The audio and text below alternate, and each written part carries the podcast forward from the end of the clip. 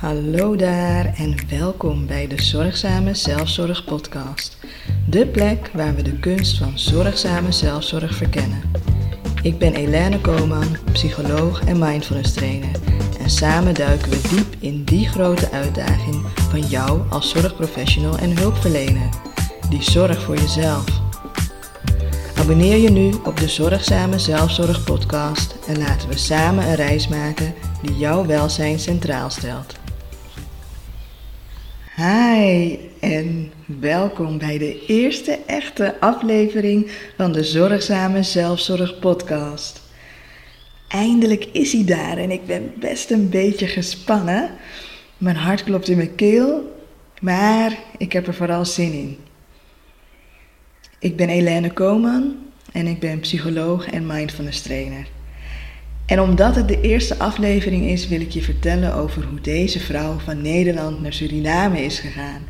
En wat dat haar, mij dus, heeft opgeleverd aan inzichten, aan waardevolle inzichten die een belangrijke rol hebben gespeeld in de reden waarom ik deze podcast ben gestart. En ik zeg heel bewust deze vrouw. Ik vind het namelijk altijd belangrijk om te blijven benadrukken dat ik in de eerste plaats mens ben net als jij. Naast dat ik dus ook psycholoog ben, mindfulness trainer, docent en moeder. In deze podcast zul je dus ook juist mijn eigen menselijke ervaringen, inzichten en zoektochten horen, met natuurlijk aanvulling met kennis vanuit mijn beroep. En wat hoop ik daar dan mee? Hè? Want natuurlijk gaat het mij er niet alleen om om gewoon even mijn gedachten te kunnen uiten. Ik hoop namelijk dat deze podcast een moment kan zijn van rust en reflectie. Dat we samen stilstaan bij die onderwerpen waar we allemaal mee worstelen. En hopelijk inspireert het je om zorgzamer te zijn voor jezelf. Misschien hoor je wat vogels fluiten op de achtergrond. Af en toe mogelijk ook zelfs een haan kraaien.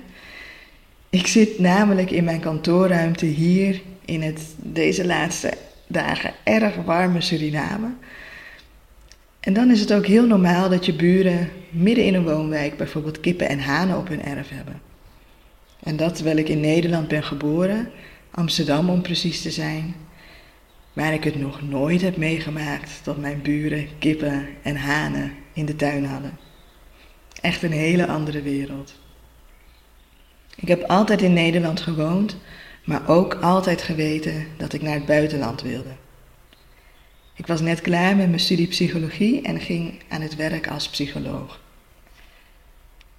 En toen zag ik na een aantal jaren vacature voorbij komen voor een psycholoog in Suriname.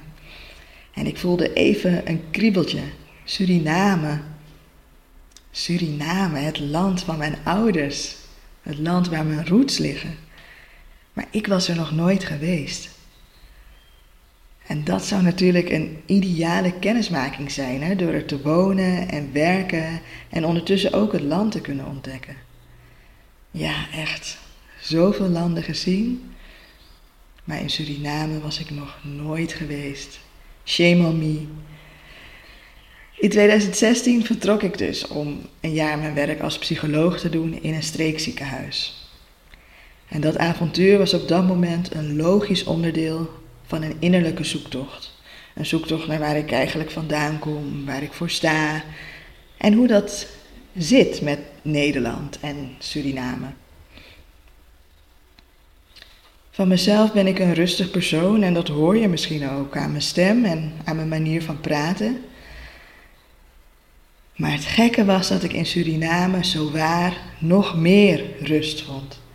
En niet de rust waar je nu waarschijnlijk aan denkt. Hè. Natuurlijk is het heerlijk om omgeven te worden door zoveel uren zon op een dag. Heel veel natuur, heel veel groen, maar iets meer dan een half miljoen mensen in het land, dus letterlijk weinig drukte. En ook het feit dat alles een stuk trager verloopt. Tuurlijk genoot ik daarvan. Iedere dag na werk in mijn hangmatje op het balkon, uitkijkend over een brede rivier, met een heerlijk briesje erbij. Zo weinig om je druk over te maken. Maar er was nog een andere rust. En wat voor rust was dat? Ik merkte dat er niet de hele tijd iets van me werd verwacht. In Nederland heb ik altijd het gevoel gehad dat ik aan een soort onzichtbare hoge lat moest voldoen. Dat er altijd meer was wat nog gedaan moest worden. Dat ik er nog niet was. Nog meer opleidingen moest doen, nog meer of beter werk moest doen, nog meer met mijn vrije tijd moest doen, nog meer sociale dingen doen. Nog meer om ook overal over mee te kunnen praten. En iedereen om me heen was ook altijd bezig met rondkijken naar een betere baan of toch nog meer nascholing toe te voegen aan hun toch al uitgebreide pakket. En ook al zaten ze in een prima situatie, toch was er altijd de vraag of er nog meer was dan wat ze al hadden. Een heel onrustig gevoel dus. En als je er nog niet bent, maakt dat ook onzeker. Want je bent daar nog niet, waar daar dan ook mag zijn. Je moet nog ergens heen. Je bent nog niet af. Je bent nog niet op je eindbestemming.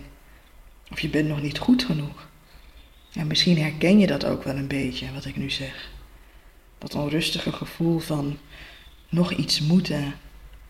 Altijd nog meer moeten. In Suriname was dat anders. In Suriname werd ik met open armen ontvangen. Gewoon zoals ik ben. Gewoon zoals Helene. En om dat te ervaren was echt nieuw voor mij. Niet de hele tijd al die vragen. In Nederland is er altijd meer te vragen. En ook dat draagt misschien wel bij aan het voelen dat je er nog niet bent. Surinamers zijn over het algemeen een stuk minder nieuwsgierig wat dat betreft. En doordat de geestelijke gezondheidszorg nog niet zo ontwikkeld is als in Nederland, was het werk in dat jaar vaak een uitdaging. De samenleving is anders, dus je communiceert ook anders. Ook al wordt in beide landen Nederlands gesproken, toch is de communicatie wel echt verschillend. Ik was de enige psycholoog in dat deel van Suriname en kon dus ook niet leunen op collega's. Alles kwam op mij neer wat betreft mijn werk. Vele instanties waar je cliënten bijvoorbeeld naartoe kan verwijzen in Nederland bestonden in dat gebied niet.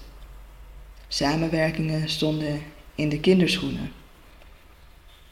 Als een casus eigenlijk te ver ging voor een psychologische praktijk of een psychologische afdeling, was er niet een andere plek waar je de cliënt naartoe kon sturen. Ook middelen zoals testen voor diagnostiek bijvoorbeeld ontbraken vaak. En in die situaties kwam het echt neer op mijn expertise. Maar vooral nog meer op die expertise inzetten op een creatieve manier. Dus alles wat ik in de jaren daarvoor had geleerd, tijdens de studie, maar vooral ook in het werkveld. Het ging erom dat ik met hetgeen er wel ter beschikking was, ging werken, dat ik dat ging inzetten. Ik moest. En toen gebeurde er iets. En dat was echt heel bijzonder. En ik heb toen echt kunnen ervaren dat ik er wel al was. Dat ik wel al een heleboel bagage in huis had. Dat ik niet onzeker hoefde te zijn daarover. En dat gevoel is bijna niet te omschrijven. Het is echt iets wat je echt pas begrijpt wanneer je dat voelt. Maar wat geeft dat een rust? Kunnen weten en vertrouwen op mijn eigen kunnen, dat dat al goed genoeg is en dat ik daar juist zorg voor kan dragen. Zorg dragen voor dat stukje van mezelf. Na dat jaar ben ik weer even anderhalf jaar in Nederland geweest, maar stond ik zo anders in het leven. En ik kreeg daar ook regelmatig opmerkingen over. Dat ik er zo anders uitzag, dat ik er zo goed uitzag, dat ik straalde, dat ik zo stevig stond. Terwijl ik me ondertussen wel zorgen maakte over al die collega's die toch bleven worstelen met die onzichtbare lat. En daardoor ook sneller uit balans konden raken. Die lat die zit naar mijn idee een beetje in de Nederlandse cultuur verweven. Iedereen is altijd maar aan het streven naar iets. En nou, dat is natuurlijk niet per se verkeerd, hè? begrijp me niet verkeerd. Het brengt je natuurlijk ook echt wel ergens. Het levert een hoop op. Maar tegelijkertijd kost het naar mijn idee toch ook wel veel. Vaak meer dan we onszelf beseffen op het moment dat je er middenin zit. Want dan is dat gewoon wat er is. En is het moeilijk om te zien dat het ook anders kan. Dat je iets anders kunt kiezen. En gelukkig hoef je daarvoor niet per se te emigreren naar Suriname. Ook al moedig ik iedereen natuurlijk aan om Suriname in ieder geval één keer in het leven te zien. Want het is hier prachtig, het is hier geweldig. Maar goed, pas toen ik zo'n tijd uit die Nederlandse cultuur was, kon ik echt zien hoeveel invloed dat dagelijks op mij had. En ik heb het hier natuurlijk vaker over gehad met mensen, hè, wanneer we spraken over mijn keuze om naar Suriname te vertrekken. En vaak zie ik dan ergens een soort hoop ontstaan van, oh, het kan dus anders. Maar ook al snel weer een terugval naar, ja, maar zo is het gewoon en ik kan daar wel mee omgaan. En natuurlijk, de meeste mensen kunnen daar prima mee omgaan. Ik vond dat ook al die jaren. Maar pas toen ik echt heb ervaren hoe anders het is als je daaruit bent gestapt en bewust andere keuzes hierin maakt, toen wilde ik niet anders meer. En ook wanneer ik weer in Nederland ben, kan ik dat andere gevoel ook gewoon vast blijven houden. Dus ik weet dat jij dat ook kan. Meer in die innerlijke rust. En dat bedoel ik niet per se op een zweverige spirituele manier. Mag overigens natuurlijk wel, hè, als dat is waar jij je prettig bij voelt. Maar meer vertrouwen en van daaruit ook beter kunnen voelen wat je echt nodig hebt. Want in het werken met mensen, in de hulpverlening, gaat die cultuur heel vaak voorbij aan de zorger zelf of de hulpverlener zelf. Die heeft ook goede zorg nodig. Die mag ook gekoesterd worden. En natuurlijk weten we dat wel, hè? Ik heb echt niet de illusie dat dit nieuw voor je is. En soms zul je dat ook wel zeggen. Het is veel gemakkelijker om goed voor iemand anders te zorgen dan voor jezelf. Maar precies daar zit het hem dus in. En soms zijn er natuurlijk wel die momenten dat we daar even de tijd voor nemen. Even een spa-dagje. Of even een weekendje niets. Of even verplicht ziek zijn. Maar al snel gaat het weer over op de orde van de dag en dan worden die eigen grenzen weer een beetje vergeten of lijkt het belangrijker om voor die ander te zorgen of om naast je toch al drukke leven nog meer schoning te doen, et cetera. En dan geven we onszelf toch weer ietsjes te weinig liefde. En ik vind dat zo zonde, hè? Ik zou graag een bijdrage willen leveren in het veranderen van die cultuur. Niet de Nederlandse cultuur, hè? dat is, nou ja, misschien de volgende stap. Maar ik begin even bij die zorgcultuur. Want ik vind het juist jou die er zo keihard is voor anderen. Dat er ook goed voor jou gezorgd wordt. Dat daar een mindshift in ontstaat. En dat je gaat ervaren dat goed voor jezelf zorgen veel meer oplevert dan je je nu misschien beseft. En dat het waarschijnlijk ook een stukje verder en dieper gaat dan je nu misschien denkt. En daarvoor zullen er in deze podcast verschillende onderwerpen voorbij gaan komen die een connectie hebben met goed voor jezelf zorgen als zorgprofessional of hulpverlener. En in principe zul je vooral mijn stem horen, maar ik zal zeker ook wel eens een gast uitnodigen die wat kan vertellen over zijn of haar eigen reis op dat gebied. En ik ben dus wel benieuwd naar wat er nu bij jou gebeurt. Als je merkt dat dit een beetje met jou resoneert misschien, of als je merkt dat dit je een beetje aan het denken heeft gezet. Je kunt me volgen op LinkedIn, want daar deel ik vaker berichten en ben ik redelijk actief. Of natuurlijk kun je de website bekijken van mijn online praktijk, Psychologiepraktijk Taki. Info van beide staat in de show notes. En vergeet niet om je te abonneren op de Zorgzame Zelfzorg podcast. Ook vind ik het altijd leuk om een berichtje te ontvangen, misschien naar aanleiding van wat deze aflevering bij jou heeft opgeroepen, of misschien iets anders wat je wilt delen. Dat kan allemaal ook weer via LinkedIn of de website. Nou, het spits is eraf en hopelijk heb je een beter beeld van mij, Helene, de persoon achter de Zorgzame Zelfzorg podcast. Ik kijk er naar uit om nog vele andere podcasts met jou te delen.